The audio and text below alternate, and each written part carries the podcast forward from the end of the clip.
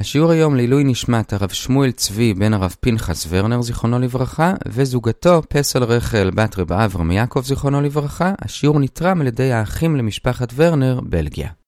שלום לכולם, אנחנו לומדים את דף נ"ח במסכת כתובות באתר sny.org.il היום יש לנו לימוד קצר, אנחנו מתחילים את הלימוד במשנה בעמוד ב' ונסיים בנ"ט עמוד א' בשליש העליון. השיעור היום יהיה 13 דקות.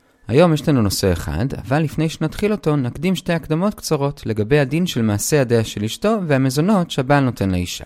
הקדמה אחת, זה אם אישה יכולה לומר, איני ניזונת ואיני עושה.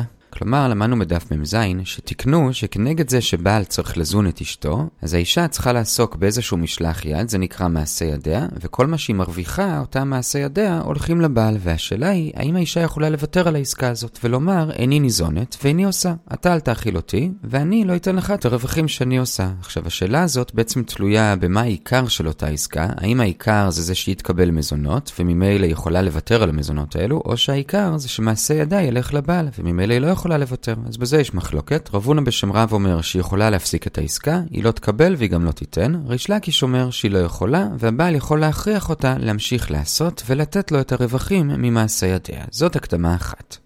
הקדמה שנייה, עד עכשיו הזכרנו רק את מעשה ידיה ואת מה שהבעל נותן למזונות, אבל האמת היא שגם האישה וגם הבעל, שניהם נותנים אחד לשני שני דברים, ולא רק דבר אחד. מצד האישה, היא נותנת אמנם דבר אחד, מעשה ידיה, אבל אפשר לחלק את זה לשתי רמות. רמה אחת זה מעשה ידיה ברמה הבסיסית, המשנה בס"ד עמוד ב' מפרטת לגבי זה, שהיא צריכה להכין מדי שבוע לפחות חוטי אשתי במשקל של חמישה סלעים, זה התוצרת הבסיסית שמצפים מכל אישה לעשות, אם היא עובדת בעבודה אחרת, אז לפחות את המקבילה מבחינת כסף לתוצרת הזאת, זאת הרמה הבסיסית. מה שהיא מרוויחה מעבר לזה, אז זה נקרא המותר. כלומר, מה שנותר מעבר לרמה הבסיסית. אז אלה שתי הרמות של האישה. זה מצד האישה. מצד הבעל, גם כן יש שני דברים שהוא נותן לאישה. דבר אחד כבר הזכרנו זה המזונות, דבר שני שהוא נותן, זה שהוא נותן לה מדי שבוע סוג של דמי כיס, בסכום של מאה כסף, ובזה היא יכולה להשתמש לכל מיני דברים נוספים שהיא צריכה. היא צריכה איזה בגד, צריכה משהו לבית, זה הדבר השני שהבעל נותן. אז שוב, האישה נותנת מעשה ידיה בשתי רמות, יש לה את הרמה הבסיסית של משקל חמישה סלעים של חוטי אשתי, אם היא עושה מעבר לזה זה נקרא מותר, והבעל מצידו גם נותן שני דברים, מזונות ומאי כסף. עכשיו, ברור לכולם שחז"ל תיקנו את זה כנגד זה. כלומר, כנגד אחד הדברים שהאישה נותנת, הבעל נותן דבר אחד, כנגד הדבר השני שהאישה נותנת, הבעל נותן גם דבר שני, אבל יש מחלוקת מה תקנו כנגד מה, ובזה יש מחלוקת רב ושמואל ורב עדה ברבא. רב ושמואל אומרים, כמו שכבר אמרנו מקודם, מעשה ידיה הבסיסיים זה כנגד המזונות שהבעל נותן. המותר של מעשה ידיה זה כנגד המאי כסף שהבעל נותן. מצד שני, רב עדה ברבא אומר זה להפך. מעשה ידיה הבסיסיים זה כנגד המאי כסף, והמותר שהיא עושה זה כנגד המזונות. אז שוב, לפי רב ושמואל, מעשה ידיה הבסיסיים זה כנגד מזונות, המותר זה כנגד מאי כסף, לפי רב עדה בר אבא, להפך, מעשה ידיה הבסיסיים זה כנגד המאי, המותר של מעשה ידיה זה כנגד המזונות. עכשיו הגמרא בנ"ט עמוד א' בשורה השישית מביאה למחלוקת הזאת שהרגע אמרנו שני דיונים. דיון אחד זה שהגמרא מסבירה מה הסברה של כל צד, אז רב ושמואל מבינים שיותר סביר שתקנו מעשה ידיה הבסיסיים כנגד מזונות, כי שניהם יותר שכיחים, רוב הנשים עושות מעשה ידיה הבסיסיים, אין הרבה נשים שמרוויחות יותר מזה, ממילא זה כנגד המזונות המזונות, שזה הצרכים היותר שכיחים של האישה, ותקנו את הדבר הפחות שכיח, שזה המותר, כנגד המאי כסף. רבד אברבה אומר שלהפך, ולדעתו הסברה היא שיותר סביר שתקנו דבר קצוב כנגד דבר קצוב, וממילא מעשה הדעה, שזה דבר מאוד קצוב, כמו שלמדנו במשנה בס"ד, משקל חמישה סלעים, אז את זה תקנו כנגד דבר קצוב, שהבעל נותן לה בדיוק מאי כסף. ואילו המותר, שזה דבר לא קצוב, את זה תקנו כנגד מזונות, שזה גם כן דבר לא קצוב. זה דיון אחד. דיון שני שם בגמרא, זה שהגמרא מביאה ברייתא ומשנה שמהם לכאורה משמע כרב ושמואל, שהמזונות זה כנגד מעשה ידיה, אבל הגמרא מתרצת בקלות שהכוונה שם זה לא כנגד מעשה ידיה הבסיסיים, אלא כנגד מותר מעשה ידיה. זה הדיון השני, ועד כאן ההקדמה השנייה, זה בעצם מביא אותנו בגמרא בנ"ט עמוד א' לסוף הקטע שנלמד היום, בשליש העליון של נ"ט עמוד א', ועכשיו אחרי הקדמות נתחיל את הסוגיה העיקרית. הנושא של השיעור זה בעל שהקדיש את מעשה ידיה של אשתו. כלומר, הוא עומד היום ואומר שכל מה שהיא תכין יהיה הקדש, ואז אם עוד יומיים היא תכין חוטי אשתי, אותם חוטים מיד יהיו הקדש. והשאלה היא, האם הבעל יכול לעשות את זה או שלא. אז לגבי זה נחלק את הגמרא לכמה שלבים. השלב הראשון זה שנתחיל דווקא בסיפא של המשנה, שם הגמרא מדברת על בעל שהקדיש לא את מעשי ידיה הבסיסיים של אשתו, אלא את המותר, אבל לענייננו זה לא משנה, ושם יש מחלוקת האם הדבר בכלל אפשרי. לפי רבי יוחנן הסנדלר זה לא אפשרי, מהסיבה הפשוטה שלפי רבי יוחנן הסנדלר אדם לא יכול להקדיש דבר שלא בא לעולם, לעומת זאת לפי רבי מאיר הוא כן יכול. למה הוא יכול? אז בשביל זה נתחיל את הגמרא ממש באמצע נ"ח עמוד ב', בשורה שמתחילה במילים ופליגה דריש לקיש, ושם עולות שתי סברות. סברה אחת, שזאת הסברה האמיתית, זה שהוא סובר אדם כן יכול להקדיש דבר שלא בא לעולם, כמו שהגמרא בהמשך בשליש התחתון של אותו עמוד מביאה ברייתא שאומרת בפירוש שאדם יכול לומר לאישה הרי את מקודשת לי לאחר שאתגייר, לאחר שתתגיירי, לאחר שאשתחרר וכולי, כלומר אדם יכול לפי רבי מאיר להכיל חלויות גם במצבים שכרגע הוא עוד לא יכול להכיל את אותם חלויות, כלומר אדם יכול לקדש דבר שעוד לא בא לעולם, זאת סברה אחת.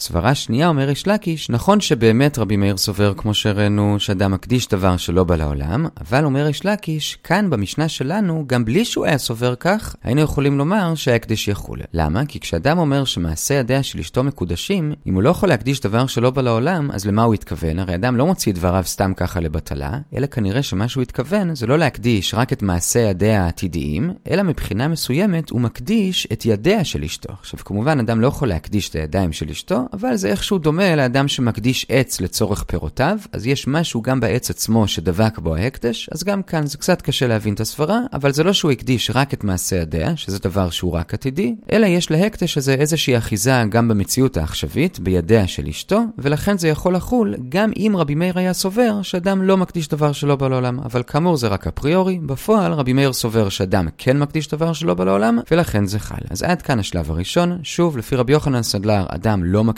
דבר שלא בא לעולם, וממילא ודאי שהוא לא מקדיש את מעשה ידיה של אשתו, ורבי יוחנן סנדלר כנראה לא מקבל את הסברה של ריש לקיש שהוא מקדיש את הידיים, אולי כי הוא לא סובר שאדם לא מוציא דבריו לבטלה. בכל אופן, לפי רבי יוחנן סנדלר זה לא חל, ומעכשיו ניפרד ממנו ונחזור אליו רק בשיעור של מחר. לפי רבי מאיר זה כן חל, כי באמת רבי מאיר סובר שאדם מקדיש דבר שלא בא לעולם. עד כאן השלב הראשון. השלב השני זה שנתמקד בדעת רבי מאיר. גם לפי רבי מאיר, שאדם מקדיש דבר שלא בא לעולם, עדיין, בשביל שהאקדש יחול, אני חייב שאותו דבר יהיה שלו. אדם לא יכול להקדיש דבר שלא שלו, וממילא לגבי מעשה ידיה של אשתו, במצב שמעשה ידיה של אשתו שייכים לו, אז האקדש באמת יחול. אבל במצב שבו מעשה ידיה לא שייכים לו, אז גם כשהיא תעשה אותם, ההקדש עוד לא יחול. מתי ההקדש כן יחול? אם האישה תמות לפניו. אז גם אם מעשה ידיה לא היו שלו כשהיא הייתה חיה, עכשיו הוא יורש אותם כמו נכסי מילוג, וממילא עכשיו שהיא מתה, הוא יורש אותם כמו נכסי מילוג, וממילא עכשיו שהם כן שלו, ההקדש פתאום עכשיו כן יחול. כמובן, זה רק אם באמת נשאר משהו ממעשה ידיה. אם היא הכינה איזה סוודר לפני 20 שנה והוא כבר לא קיים, אז ודאי שזה לא יחול. אבל אם נשאר, אז זה יחול אחרי מותה. נעיר בסוגריים שכאן זה בעצם דבר שלא בא לעולם כפול שניים. כלומר, זה גם לא בא לעולם כי כשהוא הקדיש זה עוד לא היה קיים, וזה גם לא בא לעולם כי כשהוא הקדיש היא עדיין הייתה חיה, והיה צריך לחכות שהיא תמות בשביל שזה יחול. אבל בכל אופן, כיוון שלרבי מאיר אדם מקדיש דבר שלא בא לעולם, אז זה לא מפריע לי. זה לחול גם אחרי שהיא תמות. אז שוב, בשביל שההקדש יחול, גם לפי רבי מאיר, אני צריך שזה יהיה מצב שזה נחשב שלו. אם זה לא שלו עכשיו, אז אחרי שהיא תמות, אם הוא יירש את זה, אז זה כן שלו, ואז זה יחול. זה מוסכם לפי כולם. עכשיו, באיזה מצב זה נחשב שמעשה ידיה שלו, ובאיזה מצב זה נחשב שמעשה ידיה לא שלו, אז זה תלוי האם הוא נותן את חלקו בעסקה. הרי כמו שאמרנו בהקדמה, הוא מקבל את מעשה ידיה כנגד זה שגם הוא נותן לה משהו, וממילא, אם הוא נותן את חלקו בעסקה, אז מעשה ידיה שלו, וממילא ההקדש יחול כבר עכשיו. אם הוא לא נותן את חלקו בעסקה, אז מעשה ידיה לא שלו, וממילא ההקדש לא יחול עכשיו, אלא רק לאחר מיתה. גם זה מוסכם על כולם. עכשיו, מה זה נחשב חלקו בעסקה? מה הוא צריך לתת בשביל לקבל את מעשה ידיה? אז זה כבר אמרנו בהקדמה לשיעור שזה מחלוקת. רב ושמואל אומרים שכדי שמעשה ידיה הבסיסיים יהיו שלו, הוא צריך לתת לה מזונות, וכדי שהמותר יהיה שלו, הוא צריך לתת לה גם את המאי כסף. רב עדה בר אבא אומר להפך, בשביל שמעשה ידיה הבסיסיים יהיו שלו, הוא צריך לתת לה את המאי כסף, בשביל שהמותר יהיה שלו, הוא צריך לתת לה מזונות. אז זאת מחלוקת מה גורם לזה שמעשה ידיה יהיו שלו, אבל מה שמוסכם על כולם זה העיקרון עצמו, שבזה אין מחלוקת. אם הוא ייתן, הוא יקבל, וממילא אם הוא נתן את מה שהוא אמור לתת, אז מעשה ידיה או המותר הם שלו, והקדש יכול לחול. אם הוא לא נתן, אז זה לא שלו, והקדש לא יחול עכשיו, אלא רק לאחר מותו. עד כאן העיקרון, עכשיו אחרי שהבנו את העיקרון הזה, נראה את זה בגמרא עצמה. בגמרא כל מה שאמרנו עכשיו מתחיל ברבע התחתון של עמוד ב' בנקודותיים, והדיון שם זה לגבי רבי מאיר עדיין בסיפא של המשנה. הסיפא מדברת על אדם שהקדיש לא את מעשי ידי הבסיסיים של אשתו, אלא את המותר, וכאמור לפי רבי מאיר ההקדש חל, אבל בגמרא יש מחלוקת באיזה מצב מדובר כאן. אבל רב פאפה מדגיש, וזה היה כל ההקדמה שהקדמנו עכשיו, המחלוקת כאן היא לא ברמת העיקרון של מתי ההקדש יכול לחול ומתי לא, אלא פשוט, האם מדובר כאן במצב שבו הבעל נתן את מה שהוא אמור לתת, או שלא. המחלוקת היא בין רב ושמואל לבין רב עדה ברבה, שניהם מסכימים שמדובר כאן במצב שהבעל נתן את המזונות הבסיסיים, ולא נתן את המאי כסף, וכאמור הוא הקדיש דווקא את המותר, ולא את מעשי ידי הבסיסיים, וממילא המחלוקת היא כך, רב ושמואל אומרים שכיוון שמעשי ידי הבסיסיים זה כנגד מזונות, והמותר זה כנגד המאי כסף, וכאן הרי הוא לא נתן את המאי כסף, אז ממילא המותר לא שייך לו, אז ממילא ההקדש לא יכול לחול עכשיו. מתי זה יחול? רק אחרי שהיא תמות והוא יירש אותה. מצד שני, רבדה ברבא אומר שזה להפך, מעשי ידי הבסיסיים הם כנגד המאה, והמותר כנגד המזונות, וממילא, כיוון שכאן הוא נתן למזונות, אז המותר שלה כן שלו, וממילא הוא כן יכול להקדיש את זה, ולכן זה יחול עכשיו. זה ההסבר של מחלוקת האמוראים לפי רב פאפק, שכאמור, על העקרונות הם כולם מסכימים, אם הוא נותן, אז הוא גם מקבל, והוא יכול להקדיש את זה, וזה יחול עכשיו, לפי רבי מאיר כמובן, אם הוא לא נותן, אז זה יחול רק אחרי מיתה. המחלוקת כאן זה רק האם זה נחשב שהוא נותן או לא, כי יש מחלוקת מה הוא נותן כנגד מה שהוא מקבל ממנה, כמו שהקדמנו. עד כאן השלב השני של הסוגיה.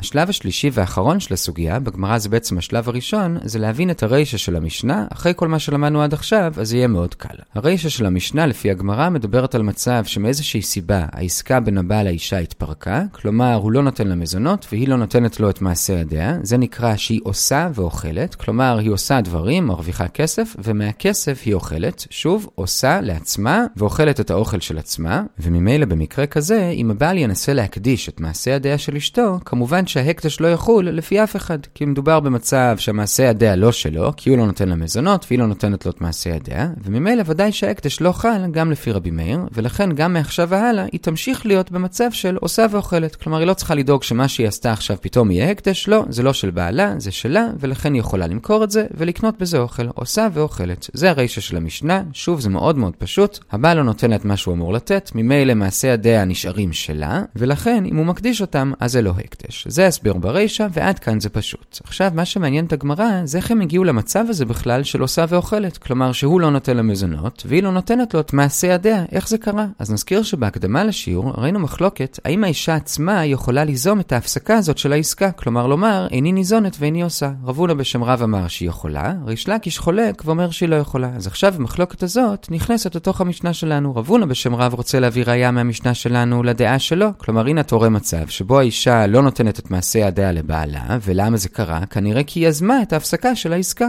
איני ניזונת ואיני עושה. אז זה לכאורה ראיה לרבונה. אבל דוחה הגמרא, לא. אפשר להבין את המשנה, לא שמדובר שהאישה יזמה את ההפסקה, אלא שההפסקה באה מצד הבעל, לא כי הוא רצה, אלא פשוט כי אין לו כסף לתת למזונות. אז הוא אמר לה, אני מצטער, אין לי מה לתת לך, ואז כמובן שגם היא לא צריכה לתת לו, ולכן מעשה ידיה הם שלה, וזה לא ראיה לרבונה שהיא עצמה יכולה גם כן ליזום את ההפסקה. עכשיו בסוגריים שואלת הגמרא, אם מדובר שהבעל יזם את ההפסקה, אז מה החידוש שההקדש לא חל? הרי ודאי שכשהבעל יוזם הפסקה, אז ודאי שמעשה ידיה כבר לא שלו, כמו שמצאנו לגבי עבד עברי, שאם האדון לא נותן לו אוכל, אז ודאי שמעשה ידיו של העבד לא של האדון, אז כל שכן לגבי אישה, אז מה החידוש? אומרת הגמרא, באמת ברישא לא יהיה חידוש לפי זה, אבל זה הובא בשביל הסיפא, ששם יש חידוש, כי שם מובאת המחלוקת בין רבי מאיר לרבי יוחנן הסנדלר, האם הוא בכלל יכול לקדש, כי הרי זה דבר שלא בא לעולם, בשביל זה הביאו את כל המשנה. עד כאן השלב השלישי, בגמרא הראשון בסוגיה, וזה הגענו בסופו של דבר לשליש העליון של נ"ט עמוד א', נעצור כאן, נחזור על מה שראינו.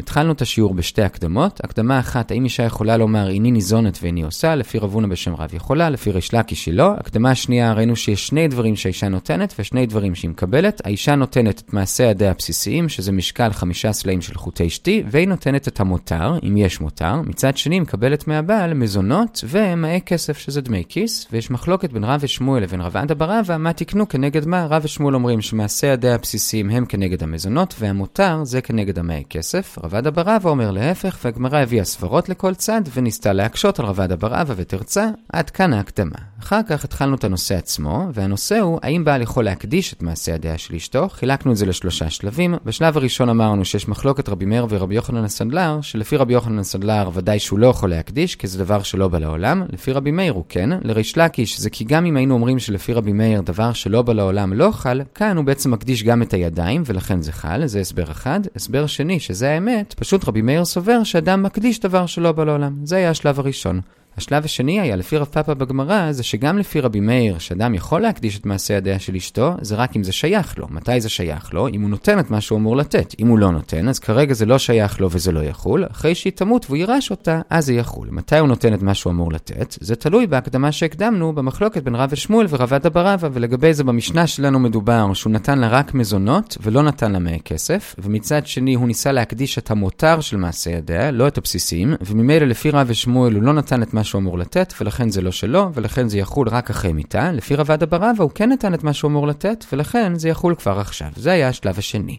השלב השלישי, ראינו את הרישה של המשנה, שם מדובר שהבעל לא נותן את מה שהוא אמור לתת, וממילא מעשה ידיה לא שלו, זה נקרא שהיא עושה ואוכלת, כלומר היא עושה מעשה ידיה, והיא לוקחת אותם לעצמה, היא מוכרת אותם, ומזה היא אוכלת, וממילא ודאי שאם הבעל מקדיש את זה, זה לא אוכל, כי זה לא שלו, עד כאן אין חידוש. השאלה היא, איך הם בכלל הגיעו למצב הזה? רב הונא בשם רב רצה להביא מכאן ראייה למה שהוא סובר שהאישה עצמה יכולה ליזום את ההפסקה של העסקה ביניהם, ונאמר שגם במשנה שלנו מדובר שהאישה אמרה איני ניזונת ואיני עושה, אבל דחתה את זה, לא, יכול להיות שמדובר שהבעל פשוט לא היה לו ממה לתת למזונות, וממילא לכן העסקה התפרקה, אבל האישה לא יכולה ליזום את זה, ואם לבעל אין מה לתת, אז ודאי שהמזונות לא שלו, אז מה החידוש במשנה שההקדש לא חל? אז באמת ברישא אין חידוש, החידוש הוא בסיפא, מחלוקת רבי מאיר ורבי יוחנן הסנדלר. כל טוב.